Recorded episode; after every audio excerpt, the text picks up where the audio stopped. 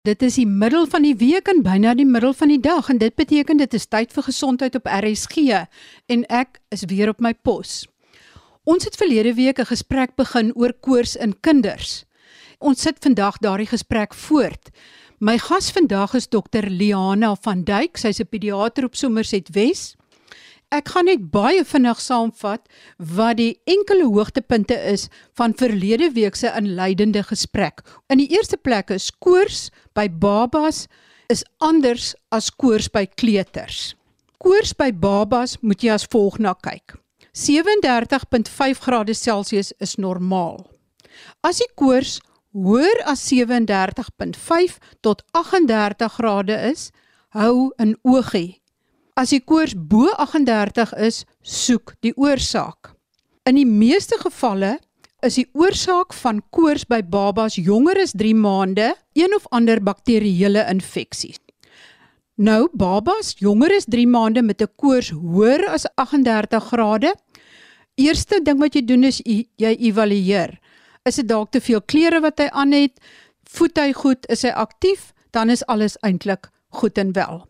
As die koors bo 38 grade is en hy's pap, slaperig, hy wil nie eet nie of nie drink nie, hy huil, daar's braaking, hoes, loopneus, diarree ensovoorts, dan moet jy baie beslis by die dokter uitkom.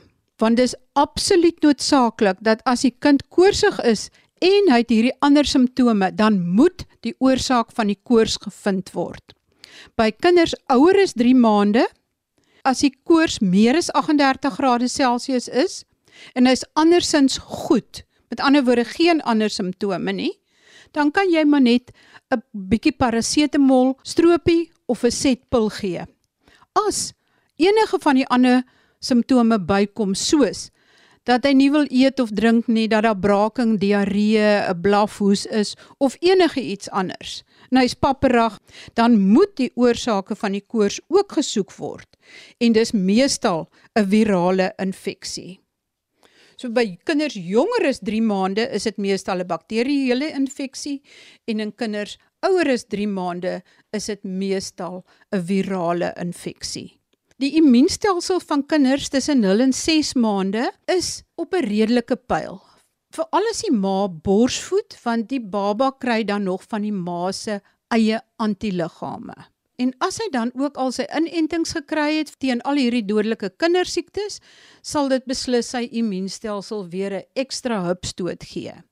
As 'n jong baba so tussen 4 en 5 maande begin kres toe gaan, word hy wel aan al hoe meer siektes blootgestel.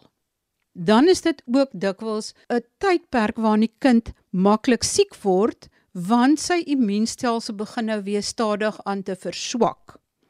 Tussen 6 maande en 2 jaar is die kind se immuunstelsel eintlik op sy swakste en na 2 jaar word dit gewoonlik weer sterker. Maar kom ons gesels nou verder oor koors by babas en by kleuters. En ons kyk in hierdie COVID tyd, waar is die gewone virusse heen? Het die patrone van infeksie siektes verander? Moet jy bekommerd wees as jou kind koorskonvulsies kry en waarom moet jy nie aspirine vir jou kind gee nie? Dit is enkele van die aspekte wat ons vandag hanteer.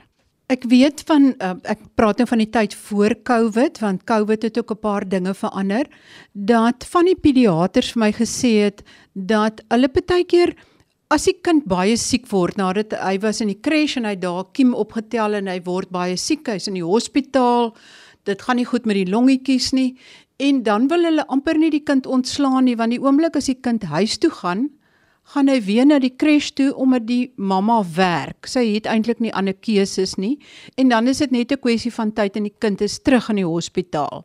Het julle dit so ondervind? Marie, daar was 'n paar virusse wat longontsteking veroorsaak. Een van hulle is adenovirus wat basies 'n bietjie skade aan die binnekant van die long maak. En wat gebeur as die kind dan herstel en ontslaan word, is dat daar is nog bietjie rooiheid en inflammasie aan die binnekant van die long. So die oomblik wat die kind terug gaan crash toe, dan is dit nie noodwendig 'n nuwe infeksie wat hom siek maak nie, maar dit is 'n eenvoudige verkoue virus of ietsie soos 'n rhinovirus wat dan bo op hierdie long wat reeds bietjie skade gehad het, nou nog irritasie veroorsaak en woeps die kind is terug by die dokter of is terug in die hospitaal. So in 'n ideale wêreld as 'n kind 'n baie erge respiratoriese infeksie gehad het of dit nou pneumonie was of 'n bronkietis was, is dit altyd wys om hulle uit die kresh uit te hou vir 'n sekere tydperk net sodat die long kan herstel. Maar dit is nie moontlik vir alle ouers nie. Baie ma's en pa's moet terug gaan werk toe en ongelukkig moet die kinders terug gaan kresh toe. So wat ons dan gewoonlik doen is ons motiveer die ouers net om hulle immuniteit op te bou. So jy begin maar basies by voeding. As jy maar besig is om te borsvoed, motiveer jy hom aan te gaan met die borsvoedings want dan kry die babatjie of die kind nog steeds daai antiliggame van die ma af. En dan natuurlik ander voeding ook dieet en kossies en so aan moet dit moet gesonde kossies wees. Dan inentings, as hulle nie op datum is met hulle inentings nie en dit sluit jou ekstra inentings ook by, dan moet hulle daai inentings gaan kry. Ja, dan is daar ander maniere. Ehm um, jy weet dit is maar iets wat in die hande van 'n pediater is om bietjie te kom by partymal gebruik ons pompies of medikasie net om die long bietjie te help om te herstel totdat hy op so 'n plek is dat die kind nie die hele tyd hierdie herhaaldelike virusinfeksie kry nie. Het die situasie nou tydens die COVID inperking en met al hierdie maatreëls verander? Dat kinders byvoorbeeld omdat al die maatreëls ingestel was om COVID te voorkom, dat dit dalk ook gehelp het om ander siektes se oordraging te voorkom, byvoorbeeld gewone verkoue, griep, maagkieme ensovoorts. Gedurende die inperking het meeste pediatrie praktyke tot 'n stilstand gekom. Ek dink die pediaters sal vir jou vertel dat dit amper was asof die virusse net verdwyn het. En die groot rede is maar mense was versigtig. Hulle het by die huis gebly, hulle het hande gewas, hulle het maskers gedra en selfs ons as pediaters het minder siek geraak as in die verlede. Wat wel gebeur het met die inperkings is dat die gewone virusse wat ons op die gewone tyd van die jaar sien, het ons nie meer gesien nie. So om 'n voorbeeld te gee, 'n virus wat baie bekend is om nuutgebore babatjies tot op 6 maande vreeslik siek te maak, is jou RSV virus. Dit staan vir Respiratory Syncytial Virus. So RSV maak babatjies veral premature babatjies baie baie siek. Ons het amper geen RSV gesien in 2020 tot aan die einde van die jaar wat ongehoord was. Dis 'n virus wat ons meestal in ons herfseisoen sien. En ons het dit omtrent hier aan die einde van die jaar gesien en toe nou weer in ons somerseisoen. So as gevolg van die inperkings het ons hele patroon van infeksie deur die jaar verander. Ander ding wat verander het was byvoorbeeld die diarree virusse, die virusse wat diarree gee. Dit sien ons gewoonlik in ons somermaande en ons het dit in ons wintermaande gesien hierdie jaar. Die hele patroon het verander en wat ons ook gesien het in 2021 is baie van jou babetjies net so rondom 'n jaar was nie regtig blootgestel aan virusse laas jaar nie. En hulle het redelik siek geraak hierdie jaar. So 'n kleintjie wat net 'n snotneusie en 'n seer keelsig gehad het, het soms met 'n pneumonie in die saal opgeëindig. So die kinders het regtig siek geword het vir 'n bietjie wys dat hulle immuniteit nie gewoond geraak het aan die gewone sirkulerende virus in laas jaar nie. COVID het dit nie verander nie, maar die lockdown en hoe ons onsself gedra het definitief verander hoe hierdie virusse hulle self gedra in kinders en wanneer hulle voorkom in kinders. Gewoonlik kon ons hierdie dinge voorspel, maar op die stadium vat ons dit maar maand vir maand en ons kyk hoe die virusse hulle self presenteer aan die kinders. En dan is daar baie mense wat glo dat jy moenie jou kind te steriel grootmaak nie. Hy kan maar aan die grond speel en snaakse goeters in sy mond druk en so aan om nou jy sy immuunstelsel te stimuleer. Tot watter mate geld dit? Maar ek wil terugkom na die vraag oor koors toe. Ehm um, daar is 'n ding onder ouers om koors te behandel in die grond en ten alle koste. En ek wil net daar 'n ding duidelik maak dat die liggaam veroorsaak koors met 'n rede. Die oomblik wat jou kind se temperatuur bietjie opgaan, is dit 'n ongunstige omgewing vir 'n virus of 'n bakterie. So jy hoef nie vir jou kind noodwendig 'n koorstroopie te gee as die temperatuur net 'n bietjie op is net bo 37.5 net bo 38 nie. As hy nog spelerig is, goed voed, dan kan jy hom dophou. Hoë koorse is 'n ander storie. 'n Hoë koors moet mense afbring want dit gee 'n risiko vir ietsie soos 'n koorskonvulsie.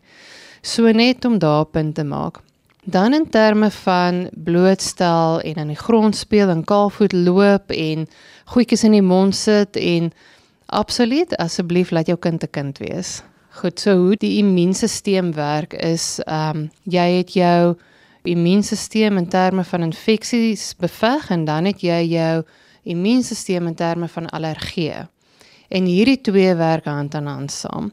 So as jou kind nie doeltreffend blootgestel word aan infeksies nie, daai vuil ding wat hy optel en in sy mond sit en hulle noem dit the hygienic hypothesis, dan is daar 'n kans dat jou kind meer allergie eendag gaan hê. So dis absoluut essensieel dat hulle wel 'n bietjie rondspeel en jy weet en blootgestel word aan aller tipe allergene in die omgewing. Maar weer eens bietjie jou ouer kind. Moenie nou gaan en jou nuutgebore babatjie se dammie op die vloer laat lê nie. In die eerste paar maande is higiëne verskriklik belangrik. Hande was, sterilisasie, so aan. Maar dan wanneer hulle begin rondkruip, definitief. Hulle moet in die tuin wees, hulle kan maar bietjie op die vloer rondkruip. Ja, hulle moet blootgestel word aan sulke dinge. Saam met die hond uit sy bak uit eet en so voort. Jo, nee. Hoekom raak 'n mens warmer of 'n baba warmer? Wat gebeur? Wat is daai fisiologiese dinge wat in jou liggaam gebeur? Daar's 'n sentrum in jou brein, die hypothalamus. Dit is basies die plek wat jou temperatuur reguleer. Dit is waar jou temperatuur op en af gaan en dit dan van daar af reguleer die res van jou liggaam. As jy dan nou 'n antikoorstroopie vat, dan is dit gewoonlik die gedeelte wat dan nou veroorsaak dat die temperatuur val. 'n Bietjie hoër temperatuur is eintlik baie goed vir jou kind, maar hulle moet gesond wees as jy daai roete loop. Is dit deel van die anti-inflammatoriese respons dat dit 'n ongemaklike omgewing raak vir die indringer wat nou in die baba in die kleuter is? So enige virus en bakterieë hou ook van 'n optimale temperatuur en die oomblik wat die temperatuur styg, is daai nie 'n optimale omgewing vir 'n virus of bakterie nie. En dis is maar basies die liggaam se maniere om dit ongemaklik vir hulle te maak.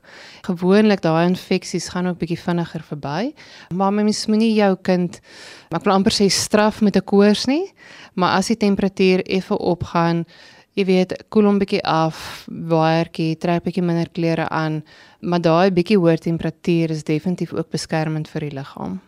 As die baba of die kind se temperatuur geweldig hoog gaan, wat is daai grens wat nie oorgesteek moet word nie waar dit baie groot gevaar word vir konvulsies of vir ernstige nagevolge? Daar is 'n baie moeilike vraag om te antwoord. Ons het al kinders gesien met koorskonvulsies waar die temperatuur 38 grade was, wat nie vreeslik hoog is nie. En dan het ons kinders gesien met koorskonvulsies waar die temperatuur 40 of 39 of 40 grade was. Dit hang regtig af van kind tot kind en of jou kind koorskonvulsies gaan kry of nie, hang baie af van die familiegeskiedenis en van jou kind self. So dis 'n baie moeilike lyn om te trek. Ons sê gewoonlik vir ouers hoë koorse bo 38.5 gee vir jou kind 'n Benadryl-stroopie dat dit afkom. Maar as jou kind gesond is en nie voorheen koorskonvulsies gehad het nie en hy trek nou al hierso by 2-3 jaar oud, dan is dit onwaarskynlik dat hy dit gaan kry.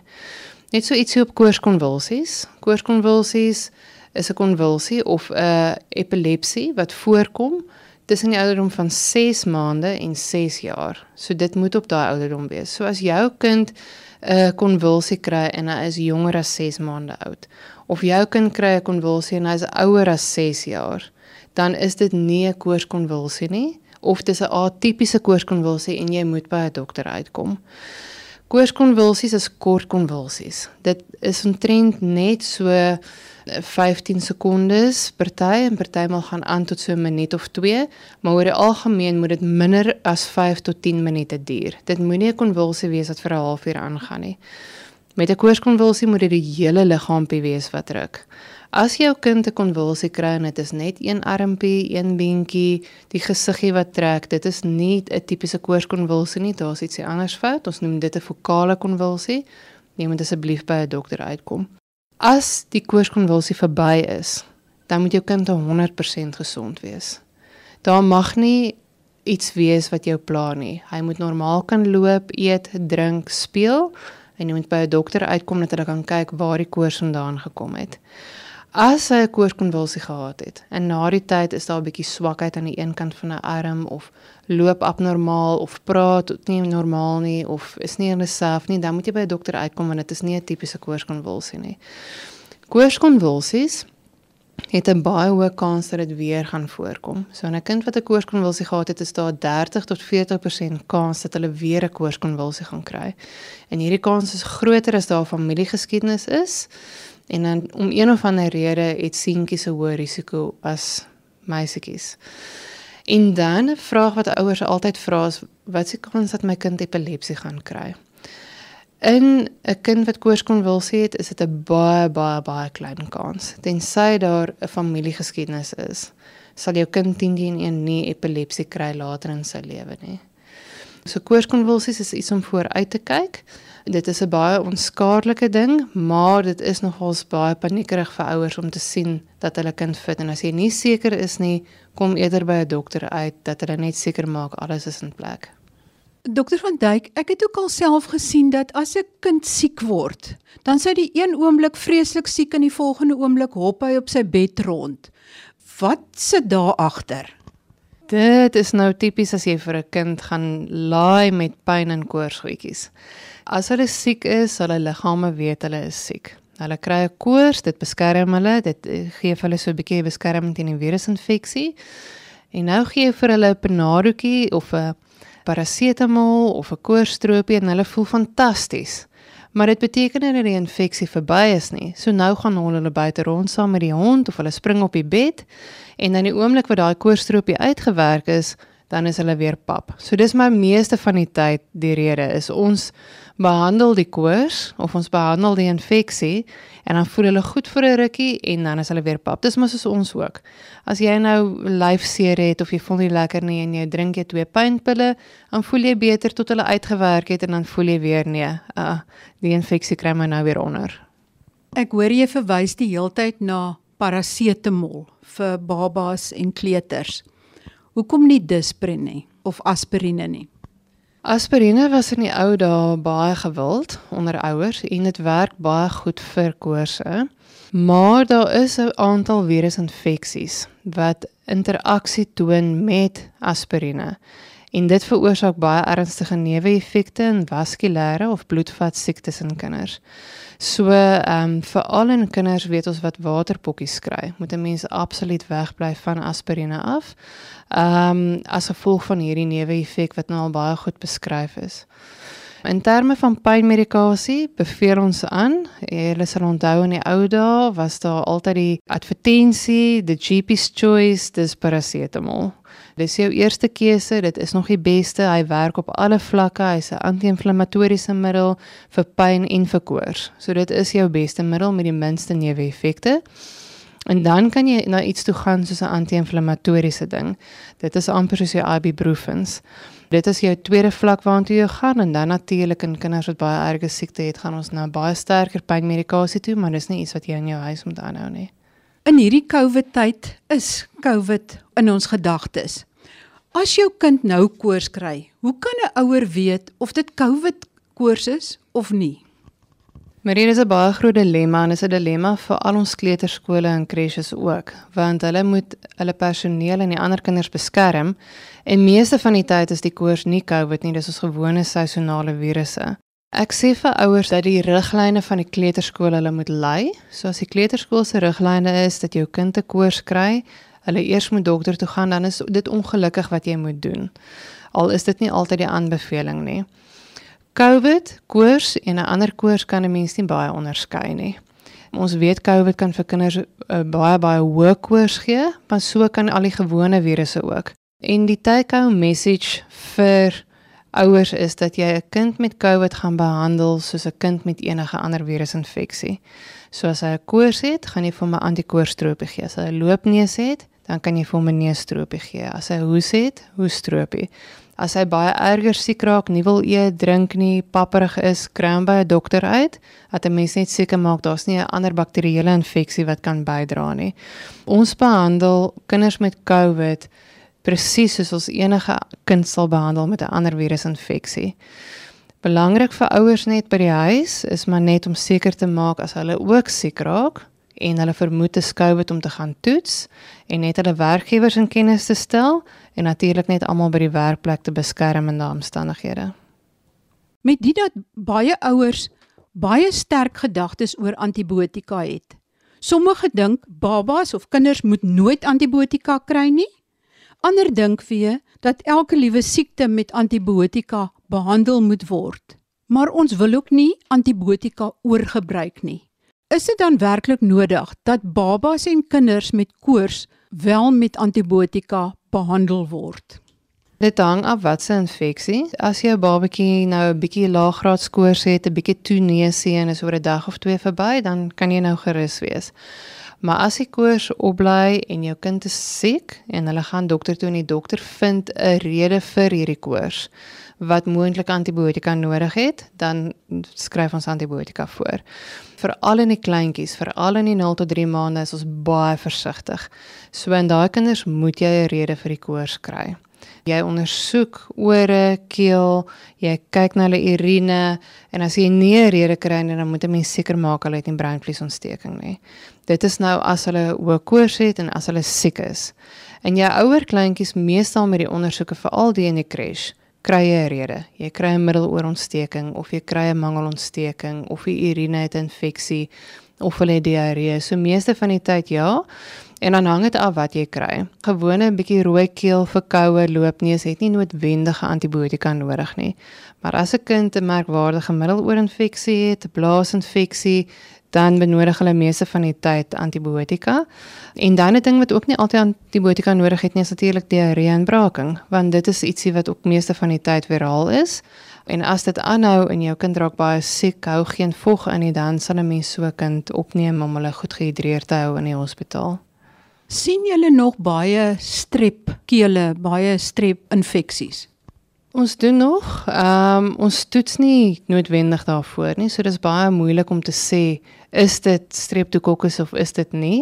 Maar as jou ondersoek lyk asof dit kan wees, meeste van die antibiotika wat ons voorskryf dek vir streptokokkus. Die belang daarvan om 'n streptokokkus infeksie behoorlik te behandel is dat jy kry natuurlik neeweffekte na streptokokkus um, in terme van nier en hartsiektes. Baie min dat ons dit nou sien, maar ja, nee, jy kry definitief nog streptokokkus infeksie, baie minder as in die verlede. Ons toets nie daarvoor nie. So dit is maar bloot 'n kliniese diagnose. Sover ek weet in Amerika en in Brittanje is daar nog praktyke wat gereeld sal toets en dan behandel daarvolgens. So maar dis nie iets wat ons doen nie. Dokter van Duyk, as jy wil hê 'n enkele boodskap moet uitstaan vir ouers wat nou na die program luister oor koors by hulle babas of kleuters. Wat is daai ding wat jy wil hê hulle moet definitief onthou? Ek dink koors en isolasie sê nie vir jou veel van 'n baba nie. Ek dink as jou kind koors het, is dit 'n waarskuwingsteken en jy ken jou kind. As jou kind nie homself is nie. En onthou kinders is soos groot mense, ons moet lekker eet en ons moet lekker slaap. So as jou kind nie homself is nie, nie goed eet nie, goed drink nie, daar's ietsie wat pla, gaan kyk en maak seker dat daar nie groot foute is nie. Maar as jou kind speel en hy het bietjie van 'n koors, dan kan jy homself by die huis behandel en wees net baie versigtig met jou babatjies. Baie dankie aan Dr. Liana van Duyk, pediater op Somerset Wes, vir die interessante inligting wat sy met ons gedeel het oor koors by babas en kinders. Met Kersfees net om die draai, wil ek vir al ons luisteraars 'n geseënde Kersfees toewens en vrede vir almal op hierdie aarde. Tot volgende week dan wanneer ons weer oor gesondheidsake gesels. Groete van my, Marie Hudson.